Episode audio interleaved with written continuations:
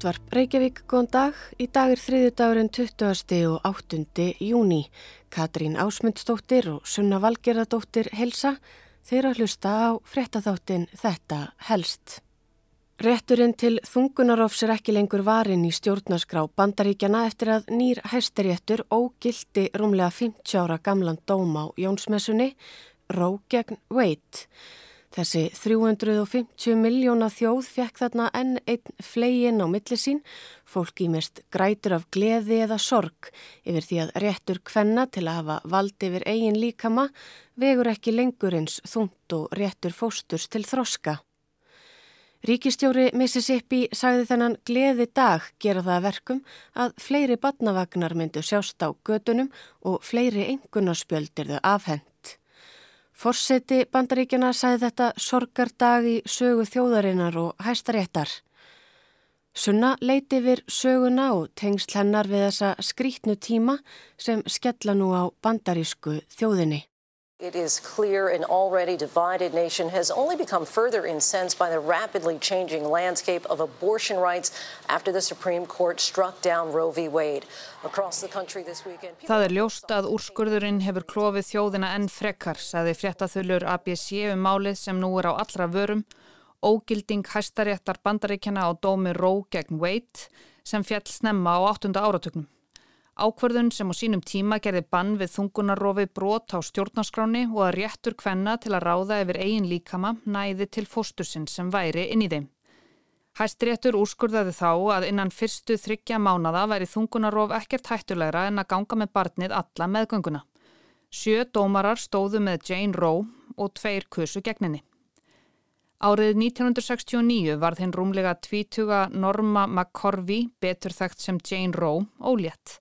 Hún vildi ekki eignast bann og óskaði eftir að fara í fóstureyðingum sem var lögleg aðgerði heimaríki hennar Texas á þeim tíma en einungist til þess að bjarga lífi móðurinnar. En líf normu var ekki í hættu. Henni var bent á að fara í ólöglega fóstureyðingu sem gekk ekki upp en var síðan sett í samband við tvo lögumenn sem vildu láta reyna á málið fyrir domstólum. En það var einmitt í Texas þar sem ríkistingið bannaði í fyrra þungunarof eftir sjöttu viku. Þá var farin svo leið að láta það ekki í hendur embættismanna að framfylgja banninu heldur einstaklingum. Þeim var gert kleift að fara í mál við þá sem gerðu þungunarof eða aðstóðuðu með einhverjum hætti við það. Þannig að þungunarofsmálinn í bandaríkjónum egar sér langan og mjög flókin aðdraðanda. Málið hennar normu matlaði í dómskerfinu í nokkur ár. Hún eignaðist barnið og gaf það til ætliðingar. Wade, sem Ró gegn Wade vísar til, var hér að saksóknari í Dallasíslu, Henry Wade. Norma sótti málið gegn honum þar sem að hann stóð fyrir lögin sem hún vildi ekki hlýta. Hæstiréttur samþykti að taka málið fyrir og þann 28. janúar 1973 ógildi rétturinn lögin, réttur konunar til að ráða yfir eigin líkama vóð þingra en réttur fóstursins til þess að þroskast inn í henni.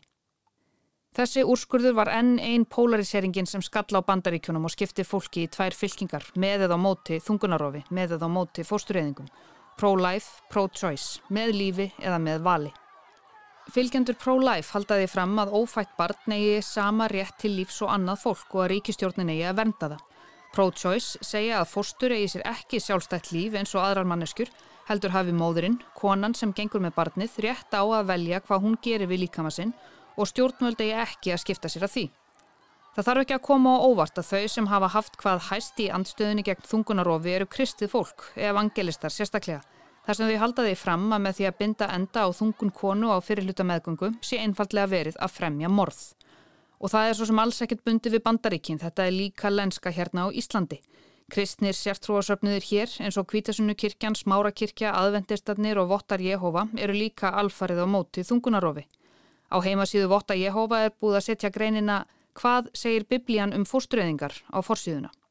Og í greininni segir Biblían talar ekki beint um fórsturöðingar en það má sjá af mörgum versum í biblíunni hvernig Guð lítur á mannslífið þar á meða líf ófætt sparns. Lífið er gjöf frá Guði. Í hans augum er allt líf dýrmætt líka líf barns í móðurkveði. Að eigða fóstri jafngildir þess vegna mandrápi. Í lögum Guðs til Ísraelsmanna sagði Fljúist menn á og rekist á þungaða konu svo að barnið fæðist fyrir tíman án þess að annar skaði hljótist af, skal sá sem olli greiða þær bætur sem eigin maður konunar ákveður. en hljótist skaði af skaltu láta líf fyrir líf. En nóg um það. Þungunarofslögjöfin hefur verið gífurlega umdelt í bandaríkjónum allar götur síðan Ró gegn Veit fjall þarna fyrir hálfri öld þó að þungunarof hafi verið stjórnarskrárvarin réttur allra bandarískra kvenna síðan þá. Eða þanga til um daginn. Þann 24. júni síðastliðin á Jónsmessunni snýri hæstiréttur bandaríkjana domnum við og komst að þeirri niðurstöðu að stjórnarskráin treyði konum ekki rétt til þungunarofs, heldur séð að löggefans í hverju ríki fyrir sig að ákveða hvort konur fái að gangast undir aðgerðina. Bann við þungunarofi tók samstundi skildi í 13 ríkjum bandaríkjana en síðustu ár hefur verið sótt mjög að þessum rétti og fjölmörg ríki sett lög sem ímist banna eða þrengja mjög að réttinum til þungunarofs samanber Texas hér á undan. Nú geta ríkin ráðið hvað þau gera, allríkislög vernda ekki lengur þennan málaflokk. Silja Bára Ómarsdóttir, professor í alþjóðasamskiptum, sagði í fréttum þegar dómurinn fjall að þetta þýtti að í um það byl helmingi ríkja bandaríkjana sé rétturinn til aðgangs að þungunarofi í raun og veru fallin úr gildi. Þetta kallar á að fólk sem vil nýta sér þessa heilbriðistjónustu beri mikinn kostnað, bæði fjö og tíma til þess að tryggja sér aðganga því sem við teljum vera grundvallar heilbriðistjónustu í flestum vestrænum löndum. Eins og flestir greinendur skýrir hún breytinguna í hæstarétti sem afleiðingu að valda til Donald Trump sem skipaði íhaldsama dómara við hæstarétt. Margir ótast bakslag í fleiri málaflokkum í framhaldinu svo sem réttundum hins einn fólks. Þrýr af nýju dómurum hæstaréttir eru skipaðir af Trump. Eitt af lofurðum hans í frambóði var að endurstilla hæstarétt og hann skipaði mjög ungt fólk í dómin. Þannig að þessir dómarar munu sitja langt umfram það sem hið pólitíska umbóð sem þeir sitja í varir. Til lengri tíma hafa þeir þannig gífurleg áhrif á þróun bandarísks samfélags, saði Silja bara. Úrskurður domstólsins í síðustu viku snýrist um bann Mississippi ríkis við þungunarofi eftir 15. viku meðgöngu. Hinnir íhaldsamari dómarar við dómstólinn voru allir sammála um að fella rók gegn veit úr gildi. Þeir haldaði fram að þessi ríflega 50 ára gamli dómur sé einfallega rángur og að rétturinn til þungunarof sé ekki treyður í stjórnarskrá. Þert á móti hafi íbúar og kjörnir fulltrúar þeirra í einstökum ríkjum rétt til þess að ákveða hvort og hvernig megi rjúfa þungun eða banna þungunarof. Dómararnir sex sögðu að með rók gegn veit hefðu íbúarnir og kjörnir fulltrúar þeirra verið sviftir þessum rétti. Frjálslindari dómarar voru þessu ekki sammála. Og sum hér á Íslandi eru einmitt á þeirri skoðun að dómurinn fjalli einfallega ekkert um bann við þungunarofi eða bara þungunarof yfir leitt. Heldur sé þetta lögfræðilegt úrlausnarefni um valdamörk ríkja og ríkja sambands. Þau sem tengi þetta banni við þungunarofi séu bara móðursjúk og nánast hættuleg. Önnur segja að málið sé kristaltært dæmi um hvernig valdastjættir misnota kerfin sem við höfum komið okkur upp í pólitískum tilgangi og að því leiti er það rétt að dómurinn snýst auðvitað sem slíkur um lögfræðileg úrlausnarefni en allur grunnurinn er auðvitað há pólitískur. Í grunninn snýst þetta nefnilega um kvennfrelsi. Og eins og alltaf þegar réttindi ákveðin að hópa eru skert, hér réttindi helmings íbúa bandaríkjana, kvenna, mun þetta bytna langverst á þeim sem eru verst sett. Fátakustu konunum sem eru með minnstu forréttindin eða jafnvel engin forréttindi.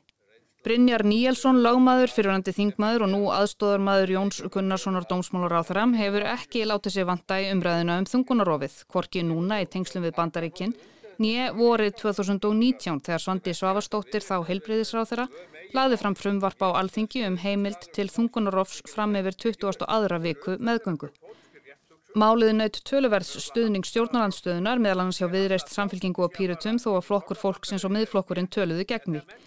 Þrýr ráþarar sátu hjá við atkvæðagreyslu það voru Bjarni Benediktsson, Guðlaugur Þór Þórðarsson og Lilja Alfredsdóttir.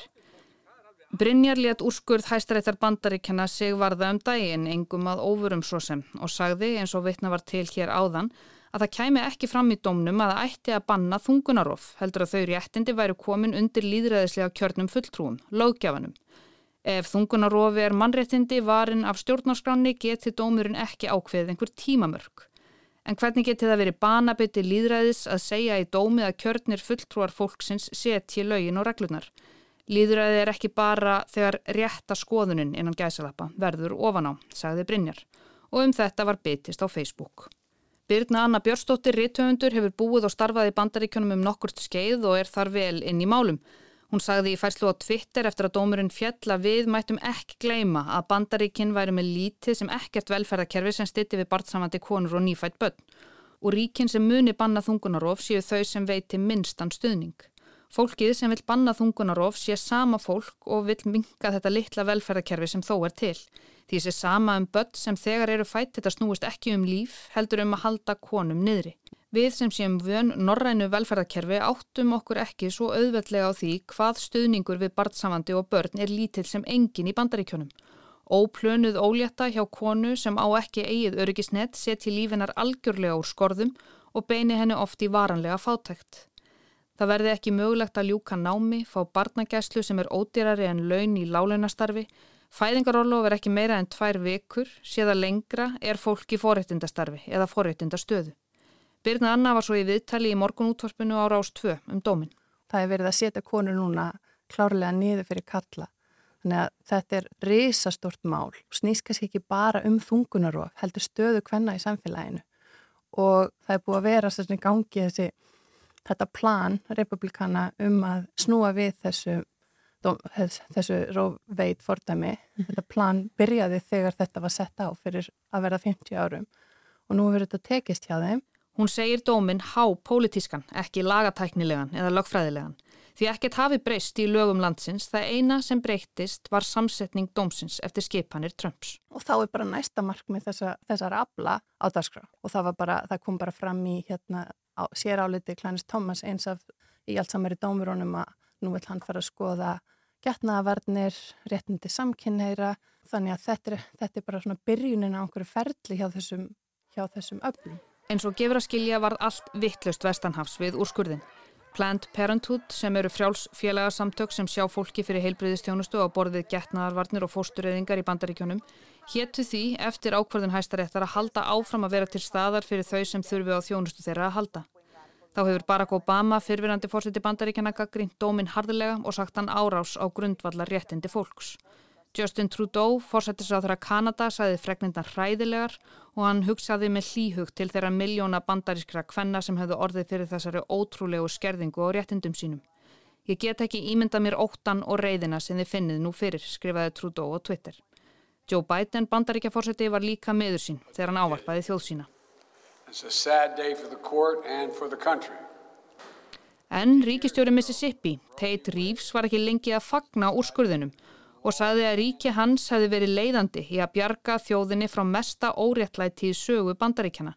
Hann sagði að þessi ákverðin myndi leiða af sér fleiri hjörstu sem slá, fleiri barnavagna á göttunum, fleiri engunarspjöld fleiri íþróttakeppnir barna og fleiri líf sem lifa. Þetta er gleði dagur, skrifaði Tate Reeves. Og þennan þekkjum við svo líklega flest.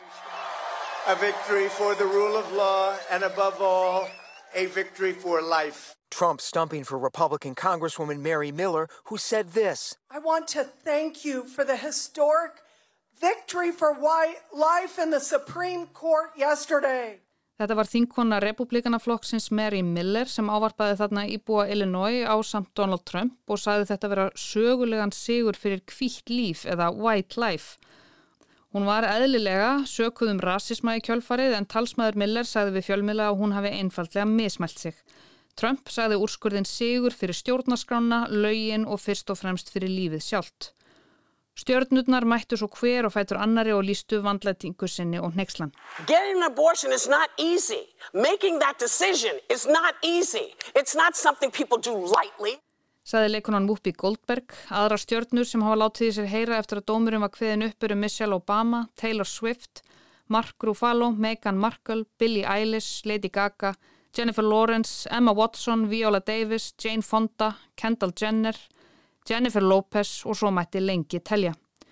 Mörg þúsund manns hafa mótmælt á götum úti, skemdarverk hafa verið tilkynnt á hennum ýmsu stöðum en enn sem komið er hafa mótmælin verið að mestu friðsamleg. Enn sem komið er.